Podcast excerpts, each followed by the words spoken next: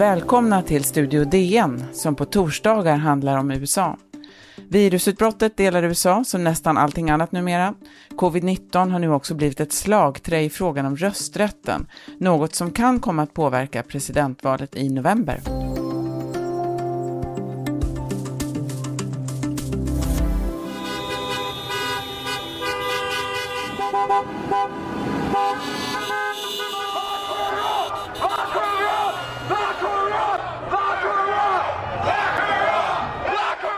I flera amerikanska delstater har vi sett högljudda demonstrationer för att häva restriktionerna som har införts under smittspridningen. President Donald Trump hejar på de som protesterar och det handlar om väljare på högerkanten. Martin Gelin, DNs korrespondent i New York, eh, lite kort, hur blev de här restriktionerna en partipolitisk fråga?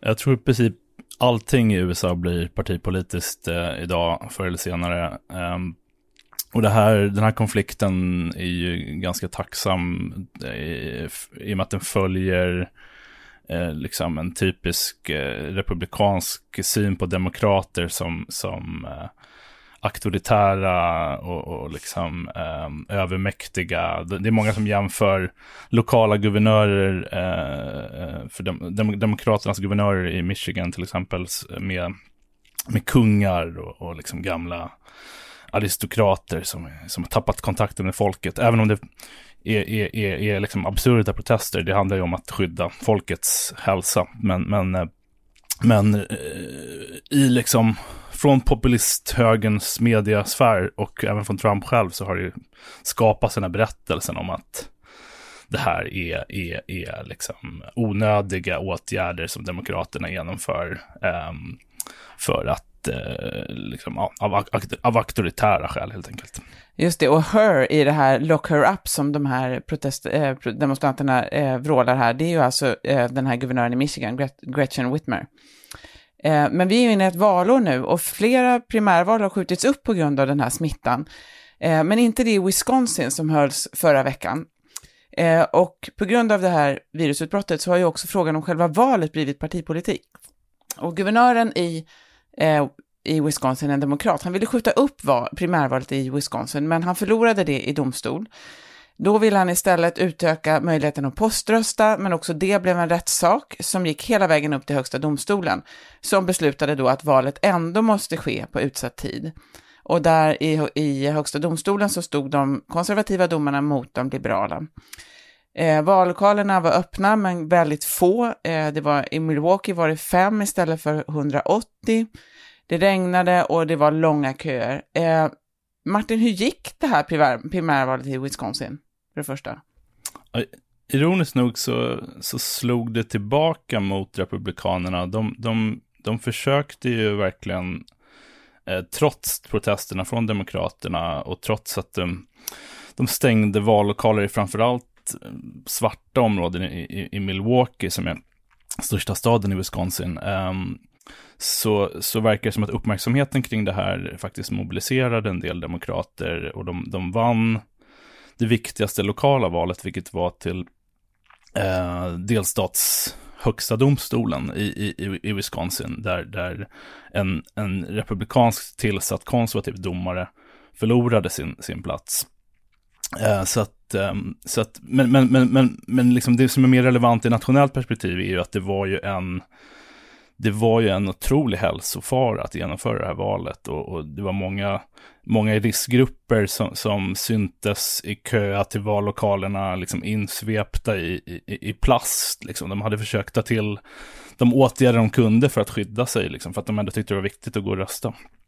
Så det var verkligen en varningssignal för, för november. Vad är det här som Republikanerna försökte göra här genom att rida på den här coronavågen, genom att ta en strid om själva röstningsförfarandet? Vad är det de är ute efter? Ja, det kanske är liksom värt att backa lite, för det har ju pågått i USA eh, sedan, egentligen sedan, egentligen sedan svarta fick rösträtt så har det, har det pågått en, en, en, en liksom frenetisk kamp om vem som ska få rösta, där, där det sätts upp hela tiden nya trösklar för, för att rösta, där det medvetet görs svårt att rösta. Valdeltagandet här är ju mycket lägre än i, än i europeiska länder. Det är, brukar vara runt 60 procent i presidentval.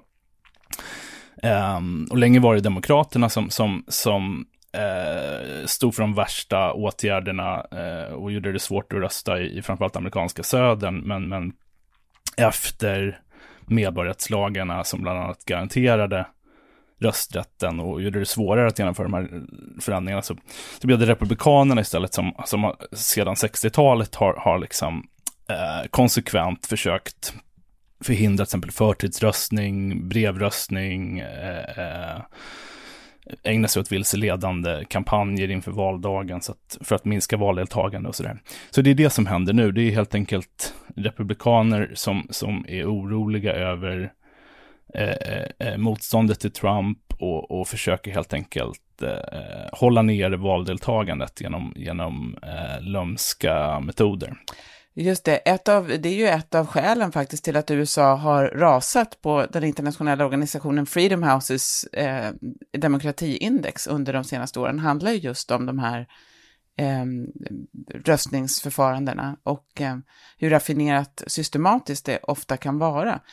Eh, en annan viktig skillnad, du påpekade att valdeltagandet är väldigt lågt. Det är också till exempel så att eh, valdagen inte heller är på en eh, helgdag i USA på många ställen. Eh, eller är, är, inte på en helgdag utan på, oftast på en tisdag. Men det är också det att vallagarna eh, bestäms i varje delstat, så det kan väl variera väldigt mycket hur, Um, hur, hur röstningsförfarandet går till. Det är också som, som du säger att det finns en väldigt uttalad strategi kring eh, att försöka minska valdeltagandet. Och vi ska höra efter pausen här hur det kan ha låtit.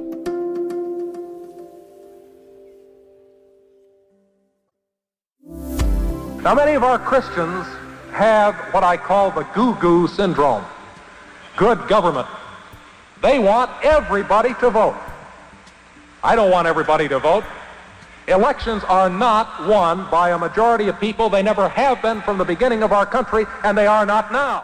Ja, berätta Martin, vem är det här? Det här är Paul Weyrich som var Eh, Eh, man kan väl säga att han var 80-talets eh, eh, viktigaste strateg för Republikanerna. En av de, en av de viktigaste, liksom Steve Bannon eller, eller Karl Rove för, för Reagan-åren. Um, och han förklarar helt enkelt att Republikanerna förlorar ju fler som röstar. Och det, det sa även eh, Donald Trump eh, häromveckan i, i en intervju på Fox News, att om Demokraterna skulle få igenom eh, försöken att göra det lättare att rösta genom att till exempel införa poströster i november, så, så skulle Republikanerna aldrig mer vinna ett val. Nej, hur kan, man, hur kan man veta vem som röstar vad? Vad är det här med kopplingen mellan demografi och, eh, och röstning? Hur, hur, hur ser det ut? Hur kan man bara hindra vissa och inte andra? Ja, men det är ju, i USA så förs det ju statistik på Eh, dels, dels så vet man ju varje hushåll, alltså man vet ju på kvartersnivå vilka som röstar eh, och hur de röstar. Och man, man får ju även statistik liksom etniskt, man vet hur latinamerikaner röstar, man vet hur svarta röstar, eh, man vet hur äldre och yngre röstar. Så ehm, det Republikanerna gör, i, i takt med att liksom datan på de här väljarmönstren också blir mer sofistikerad, så, så blir även Republikanernas försök att till exempel rita om valdistrikt eller att, eller att stänga vallokaler i vissa distrikt eh, mer, mer raffinerade. Så det, det mest liksom uppenbara exemplet på det var ju det vi såg nu i Wisconsin, där i princip alla vallokaler i, i, i svarta delar av, av Milwaukee var stängda.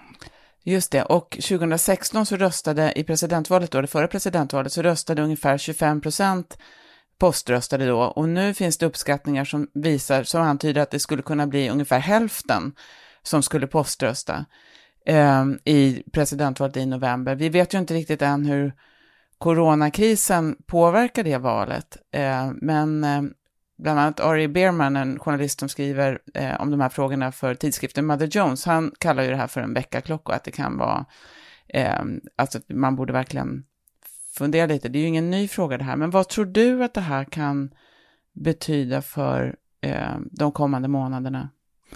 Nej, men det, det, är ju, det är ju verkligen, eh, ehm, eh, kommer bli en avgörande fråga i, i november. Eh, det kommer förmodligen vara ett val som handlar om marginalerna och därmed eh, helt avgörande hur, hur, hur svårt det är att rösta. I New York så har Cuomo, eh, guvernören här, precis eh, genomfört eh, brevröstning inför, inför primärvalet här och det kommer förmodligen gälla även eh, för, för presidentvalet. Så vi får se. Jag, jag, skulle tro att det blir ett mönster över, över landet där, där demokrater genomför sådana förenklingar för att rösta eh, med pandemin som, som förklaring eh, i, i, sina delstater, medan republikanerna i, i till exempel Florida och Texas eh, och andra del, viktiga delstater kommer att kämpa emot frenetiskt. Med stöd av Högsta domstolen. Ja, precis. För att just, eh, just poströstning är ju en sak som inte nödvändigtvis gynnar eh, Republikanerna, eftersom Demokraterna eh, oftast går och röstar i, i, som personer, alltså eh, på valdagen. Och traditionellt så har väl Republikanerna det är inte säkert att det är de republikanerna som förlorar på att många poströstar, men det är ju en del i en övergripande strategi där man bland annat eh, i vissa delstater måste ha ett skäl för att poströsta eller man måste ha eh, vara över 65 år eller det finns en massa olika eh, kategorier. Men det du säger om domstolarna här, eh, det är ju, eh, hur, på vilket sätt tror du att de kan få större, spela större roll i valet? Det är, menar, det är ju en konservativ majoritet i Högsta domstolen och det är också värt i de här sammanhanget att minnas att de flesta av de fem domarna tillsattes av republikanska presidenter som förlorade popular vote, som, som helt enkelt inte vann flest väljare. Eh, och eh, de har ju konsekvent de senaste decennierna, eh, de konservativa domarna i, i, i Högsta domstolen eh, godkänt väldigt kontroversiella försök från Republikanerna på delstatsnivå att försvåra röstningen. De upphävde många av, av de här skydden som fanns i, i, i Voting Rights Act, en del av medborgarrättslagarna på 60-talet, eh, upphävdes eh, eh för en sju, åtta år sedan med motiveringen att ingen skulle göra de här eh, försöken igen. Men, men, men eh, så, fort, eh, så fort det hade upphävts så, så, så, så kom det omedelbart en offensiv. Eh, hundratals eh, nya förändringar som har genomförts sedan dess för att göra det svårare att rösta. Så att det, är inte, det är inte omöjligt att vi, vi får se ett presidentval som, som lite som Bush går eh, avgörs av högsta domstolen och hur de helt enkelt vilka beslut de fattar när det gäller vilka röster som, som räknas och vilka som får rösta. Precis, det, det, är ju, eh, det blir ju otroligt intressant att se, både som du säger här, att en del av de här förslagen fastnar i, de utmanas i rättsprocesser och avgörs där av domare. Och så kan vi också kanske få se då, som, som du är inne på här, att till och med kanske själva valresultatet utmanas och till slut kommer att avgöras av domare som då är tillsatta av eh, en, som då nu allt fler blir eh, är väldigt konservativa. Eh, jag skulle tro att det här är en fråga vi kommer att återkomma till många gånger eh, innan november. Vad tror du Martin? Absolut, det kommer nog bli en avgörande fråga under, under hösten. Tusen tack för att du var med. Tack. Imorgon ska vi prata om hur det är inne på en intensivvårdsavdelning i Stockholm, där ett reporterteam från DN har varit. För ljudillustrationerna stod Reuters. Eh, Studio DN görs av producent Sabina Marmelakai, exekutiv producent Augustin Erba, ljudtekniker Patrik Miesenberger och teknik Oliver Bergman från Bauer Media. Jag heter Sanna Thorén Björling. På återhörande.